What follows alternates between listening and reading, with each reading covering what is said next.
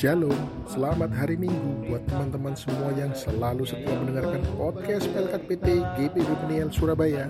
Kembali hari ini kakak layar akan menyampaikan materi IHMPT pertanggal 12 September tahun 2021 dengan judul pelajaran kesaksian kata dan perbuatanku.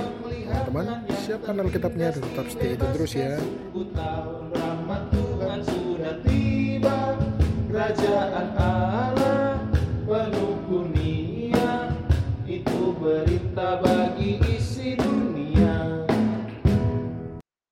Shalom, selamat pagi, selamat hari Minggu, adik-adik terkasih dan kakak layan.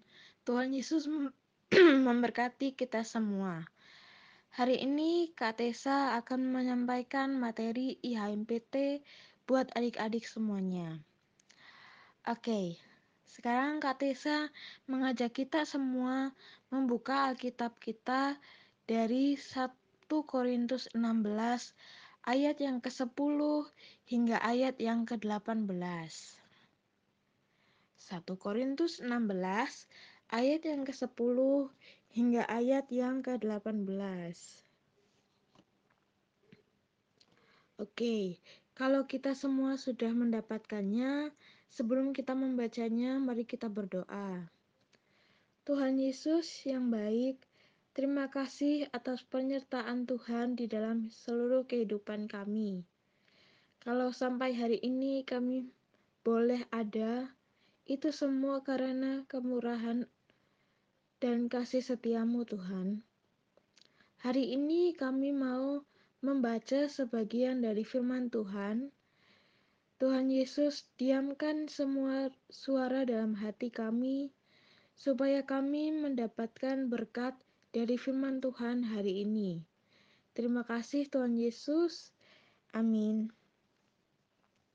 Oke. 1 Korintus 16 ayat yang ke-10 hingga ayat yang ke-18 yang menyatakan beberapa pemberitahuan. Jika Timotius datang kepadamu, usahakanlah supaya ia berada di tengah-tengah kamu tanpa takut, sebab ia mengerjakan pekerjaan Tuhan sama seperti aku. Jadi, janganlah ada orang yang menganggapnya rendah, tetapi tolonglah dia, supaya ia melanjutkan perjalanannya dengan selamat, agar ia datang kembali kepadaku. Sebab aku di sini menunggu kedatangannya bersama-sama dengan saudara-saudara yang lain. Tentang saudara Apolos, telah berulang-ulang aku mendesaknya untuk bersama-sama dengan saudara-saudara lain mengunjungi tekamu. Tetapi ia sama sekali tidak mau dat datang sekarang. Kalau ada kesempatan baik, nanti ia akan datang. Berjaga-jagalah, berdirilah dengan teguh dalam iman, bersikaplah sebagai laki-laki, dan tetap kuat. Lakukanlah segala pekerjaan dalam kasih. Ada suatu permintaan lagi kepada kepadamu, saudara-saudara. Kamu tahu bahwa Stefanus dan keluarganya adalah orang-orang yang pertama-tama bertobat di Akhaya, dan bahwa mereka telah mengabdikan diri kepada pelayanan orang-orang kudus. Karena itu, taatli, ta, taat, taatilah orang-orang yang demikian dan setiap dan dan setiap orang yang turut bekerja dan berjerih payah. Aku bergembira atas kedatangan Stefanus, Fortunatus, dan Akhai, Akhaikus, karena mereka me melengkapi apa yang masih kurang padamu. Karena mereka menyegarkan rohku dan roh kamu. Hargailah orang-orang yang demikian. Demikian pembacaan Alkitab. Terpujilah Yesus. Haleluya.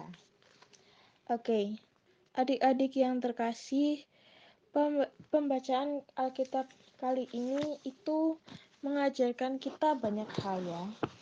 Di sini kita melihat dalam firman itu terdapat kita diajarkan untuk enam hal. Yang pertama, kita diajarkan untuk memiliki iman yang kokoh dan iman yang bertumbuh. Gimana iman yang kokoh dan bertumbuh itu? Nah, iman yang kokoh dan bertumbuh itu dimulai dengan mendengar, menghayati, dan menerapkan firman Tuhan. Mendengar berarti kita mendengarkan orang berbicara dan kita mengerti apa yang dibaca, dibicarakan orang tersebut.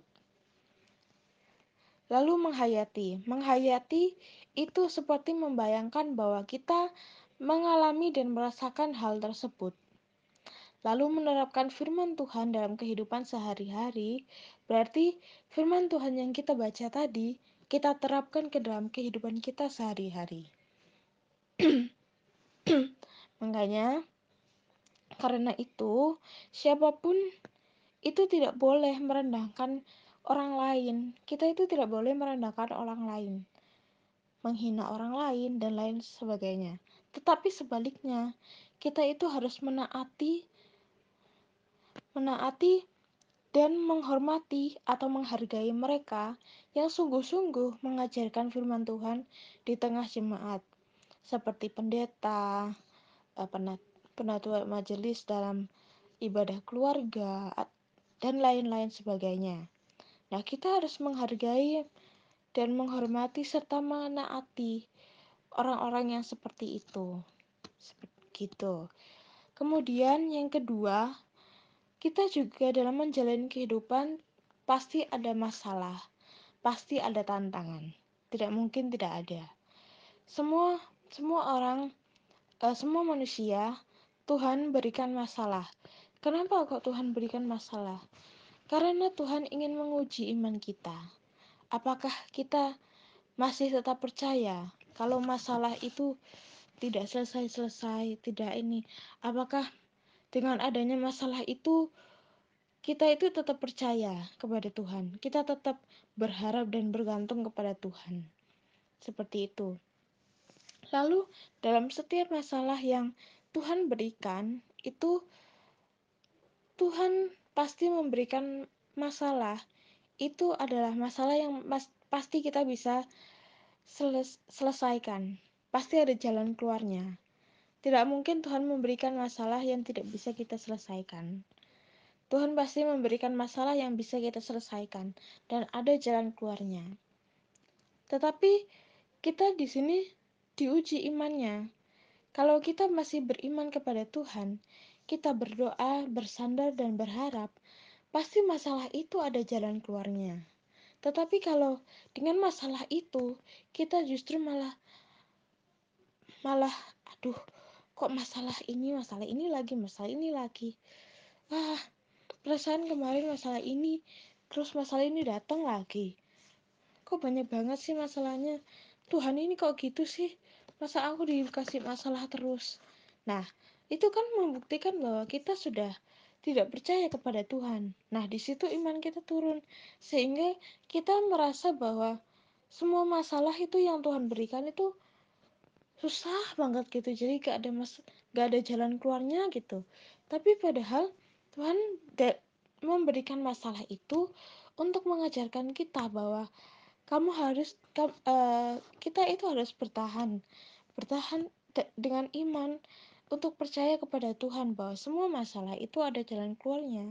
Yaitu jalan keluarnya di mana? Ada di dalam Tuhan Yesus. Seperti itu. Sehingga uh, semua masalah dan tantangan kesabaran itu membutuhkan iman yang kuat, iman yang kokoh untuk menghadapi masalah-masalah tersebut. Makanya, karena itu, dalam hidup kita, kita itu harus memiliki iman, pengharapan, dan kasih. Sesuai yang sesuai dengan apa yang diajarkan oleh Tuhan Yesus. Nah, iman tanpa pengharapan itu tidak bisa. Pengharapan tanpa iman pun juga tidak bisa. Kalau misalkan kita percaya, uh, tetapi tidak, tapi kita tidak memiliki harapan, apa yang kita harus apa yang kita harus terima lalu kalau misalkan kita sudah percaya sudah uh, istilah percaya sekali sama Tuhan bahwa kita tuh pasti mendapatkan seperti ini tetapi kalau kita tidak berharap apa yang kita dapatkan seperti ini itu uh, akhirnya bagaimana? Terus mau jadi apa? Makanya iman itu selalu ada pengharapan. Nah di dalam iman dan pengharapan pasti ada kasih. Yang pasti ada kasih. Kemudian yang selanjutnya kita juga harus gigih untuk berjuang mempertahankan iman dan Injil. Maksudnya kita harus mempertahankan iman itu dalam dalam hidup uh,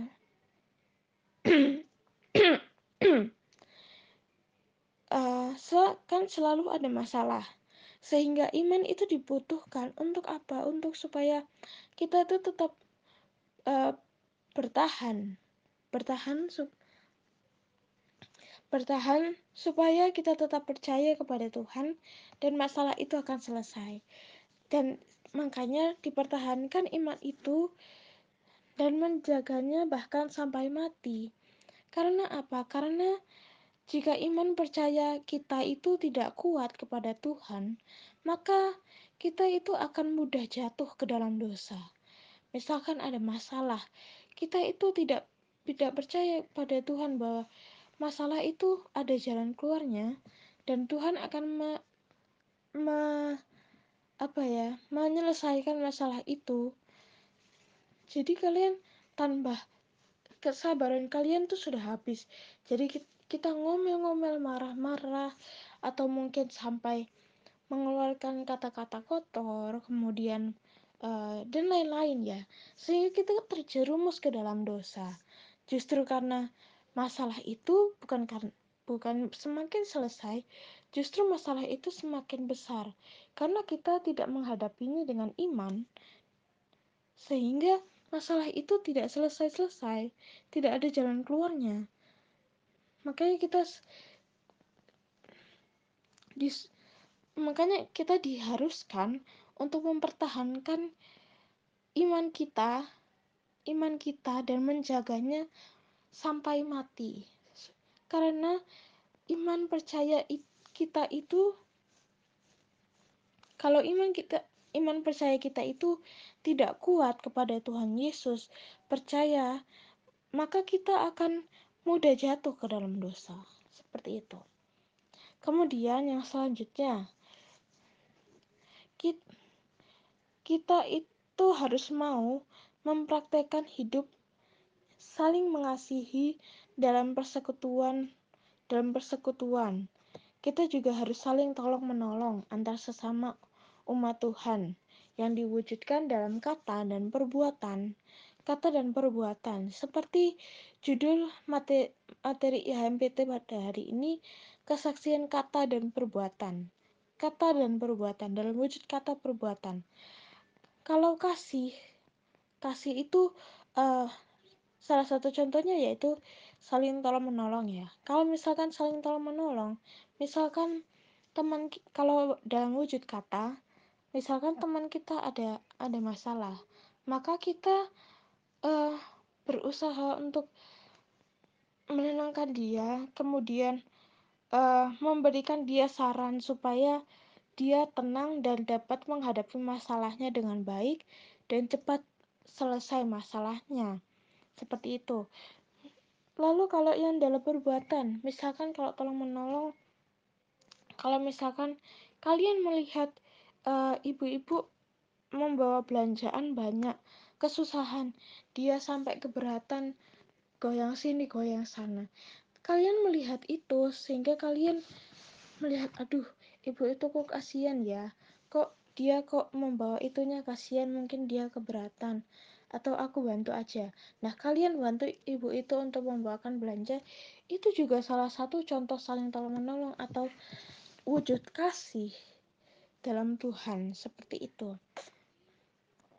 Itu kalau dalam wujud perbuatan gitu. Jadi dalam kehidupan kita, kita harus mempraktekkan hidup saling mengasihi itu dalam kata dan perbuatan. Dalam kata dan perbuatan kita harus saling mengasihi orang uh, orang yang uh, orang yang uh, membutuhkan pertolongan kita dan mengasihi sesama kita seperti itu. Itu lalu yang ke kemudian di, di dalam Alkitab juga berbicara tentang pertobatan. Bertobat. Bertobat. Pertobatan atau bertobat itu itu adalah buah penginjilan. Nah, maks pertobatan itu bukan datang dari orang lain. Maksudnya bukan datang dari orang lain itu seperti apa?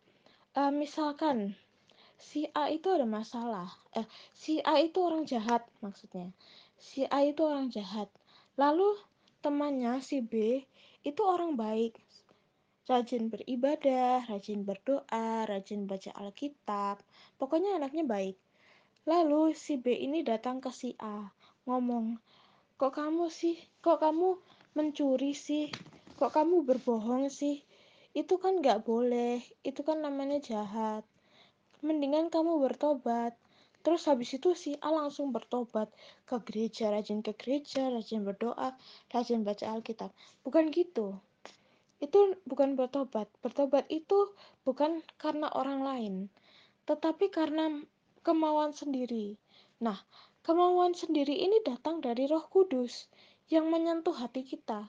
Jadi misalkan si A itu tadi yang si jahat ini misalkan mencuri maka uh, keluarganya itu misalkan ada yang dicuri dompetnya kah HP-nya atau apa pun barang-barang yang lainnya itu dicuri. Lalu ketika misalkan dia berbohong lalu dia itu mengalami uh, suatu masalah yaitu dia dibohongi oleh orang yang katanya mau mengirimkan hadiah undian. Padahal itu bohong bohong. Jadi dia dibohongi. Jadi dari apa yang dia lakukan dia akan menerimanya sendiri. Jadi sama seperti firman Tuhan yang mengatakan apa yang kamu tanam itulah yang kamu tuai jadi kalau kamu kalian menanam kebaikan, kasih sayang, eh, saling mengasihi, semua perbuatan baik, maka yang kalian tuai akan sama seperti itu. Sa apa ada orang yang mengasihi kalian, suka sama kalian, terus habis itu uh, berbuat baik kepada kalian, seperti itu. Tetapi kalau kalian menanamkan perbuatan yang jahat, mencuri bolpen teman, kemudian uh, men menyenggol teman sampai jatuh. Nah, pada akhirnya kalian akan menuainya. Kalian akan disenggol sama teman lain sampai jatuh. Kemudian bolpen-bolpen atau alat tulis lain dia itu dicuri. Nah, seperti itu. Jadi, kalau jadi apa yang kita tanam itu akan kita tuai. Jadi, kalau ingin menuai kebaikan, kita harus menanam kebaikan kepada orang lain. Seperti itu. Jadi uh, apa namanya jadi kalau misalkan kita uh, apa bertobat itu karena sentuhan Roh Kudus. Jadi dia melihat loh kok keluargaku mengalami sama seperti apa yang aku lakukan aku mencuri keluargaku ada yang dicuri HP-nya aku berbohong aku juga dibohongi oleh orang. Aku berbuat ini, keluargaku juga dibuat seperti ini. Jadi sehingga Roh Kudus dalam wujud nyata pekerjaan Roh Kudus itu menyentuh hati anak itu sehingga sepertinya uh, perbuatanku itu sudah tidak boleh. Sepertinya perbuatan yang apa yang aku lakukan itu uh, terjadi di dalam keluargaku. Jadi dia berpikir bagaimana ya supaya uh, keluarganya dia itu baik-baik saja. Sehingga Roh Kudus menyentuhnya kamu harus berbuat baik supaya keluargamu itu juga diperbuat baikkan oleh orang lain. Seperti itu. Sehingga si A itu bertobat. Jadi pertobatan itu bukan datang dari orang lain. Maksudnya bukan karena orang lain. Eh kamu harus bertobat gini-gini terus habis itu orang itu bertobat. Tidak. Tetapi karena wujud nyata dari dari pekerjaan Roh Kudus yang menyentuh hati orang tersebut. Seperti itu. Sehingga orang tersebut bertobat. Makanya karena itu pelayanan itu harus dikembangkan dengan saling memberikan dukungan moral menjaga sikap menghargai satu sama lain melindungi persekutuan jemaat dari bahaya perpecahan. Nah maksudnya adalah menghargai satu sama lain. Menghargai satu sama lain saling kakak layan di PT, saling menghargai, kita saling melindungi, saling mendukung kalau ada yang tugas. Semangat ya, kalau ada yang tugas melayani, semangat ya, selamat melayani. Seperti itu, lalu habis itu menjaga sikap kita menghargai satu sama lain sudah tadi, kemudian melindungi persekutuan kita, saling melindungi sehingga persekutuan itu tuh tetap kokoh, tidak terpecahkan. Kalau ada masalah antara satu dan lain, kita selesaikan secara kekeluargaan, tidak tidak dengan dengan perbuatan atau kata-kata yang kotor atau perbuatan jahat, tidak, tetapi dengan secara kekeluargaan. Seperti itu. Lalu yang terakhir, bersaksi dan melayani Tuhan. Bersaksi, bersaksi itu kita mengalami mujizat dan menyatakannya kepada orang banyak. Sehingga orang banyak itu berkata wow berarti Tuhan itu baik ya. Jadi ke ketika ketika kita ada uh, penyakit atau apa kita berdoa kita berdoa bersandar berharap kepada Tuhan dan dan biarlah setelah itu biarlah Tuhan yang bekerja. Sehingga mujizat itu akan datang. Nah, mujizat itu disaksikan oleh orang itu, jadi itulah bersaksi. Nah, kalau melayani, melayani itu seperti kakak-kakak layan ini. Melayani Tuhan itu seperti ya sekarang ini, memberitakan firman. Melayani itu memberitakan firman. Firman yang Tuhan, eh, firman yang ada di Alkitab itu kita uh, bagikan kepada sesama kita seperti kakak-kakak lain uh, memberita, uh, memberikan firman Tuhan kepada adik-adik sekalian, menjelaskan firman Tuhan itu seperti apa. Nah, itu adalah salah satu wujud melayani Tuhan. Nah, bersaksi dan melayani Tuhan itu harus nyata diterapkan dalam kehidupan kita sehari-hari, teman-teman. Jadi, uh, kita itu harus percaya bahwa Roh Kudus itu turut bekerja dalam segala sesuatu itu yang terakhir. Jadi uh, dalam segala apa pun yang kita hadapi dalam kehidupan kita kita harus percaya kita harus bersandar berharap berdoa pada Tuhan dan uh, beriman bahwa Roh Kudus itu akan selalu turut bekerja dalam segala sesuatu dalam sendi kehidupan kita kita ada masalah, Roh Kudus yang bekerja, Roh Kudus yang membuat kita tenang, Roh Kudus yang membuat kita sabar, Roh Kudus yang membuat kita uh, membuat kita tenang sehingga iman kita itu tetap kokoh dalam percaya kepada Tuhan bahwa masalah itu akan selesai, bahwa segala tantangan itu akan selesai. Seperti itu. Oke. Okay. Uh,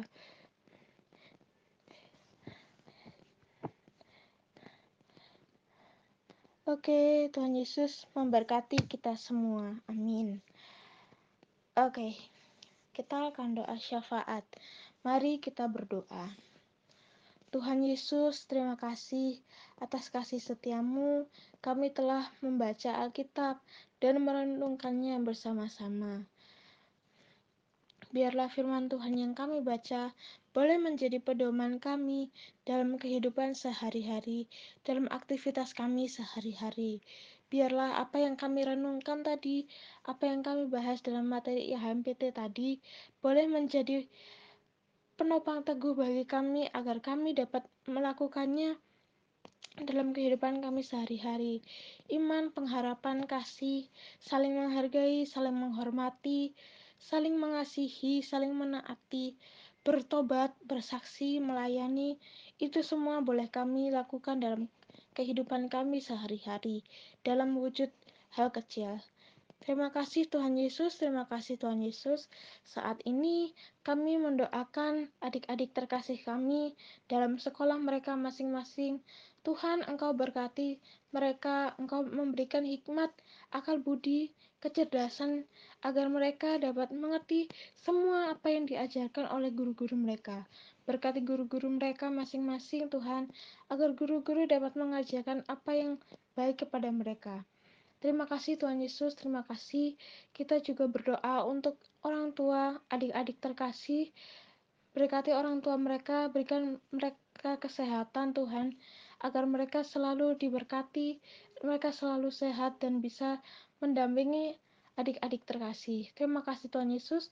Tuhan juga mau berkati pekerjaan orang tua mereka, ayah ataupun ibu yang bekerja. Tuhan berkati Jaga lindungi mereka dalam bekerja Tuhan Yesus agar mereka selalu mm, selalu bisa untuk bekerja selalu sehat Tuhan Yesus. Terima kasih Tuhan Yesus Tuhan berilah tu, berilah berkat yang berlimpah kepada mereka Tuhan kepada keluarga mereka adik-adik terkasih Tuhan Yesus. Terima kasih Tuhan Yesus, terima kasih. Inilah doa yang kurang sempurna yang kami panjatkan Tuhan, yang kami akan sempurnakan dengan doa yang Engkau ajarkan kepada kami. Bapa kami yang ada di sorga, dikuduskanlah namamu, datanglah kerajaanmu, jadilah kehendakmu di atas bumi seperti di dalam surga. Berikanlah kami pada hari ini makanan kami yang secukupnya, dan ampunilah kami akan kesalahan kami, seperti kami juga mengampuni orang yang bersalah kepada kami. Dan janganlah membawa kami ke dalam pencobaan, tetapi lepaskanlah kami daripada yang jahat. Amin. Oke, kita akan menyanyikan Mars PT.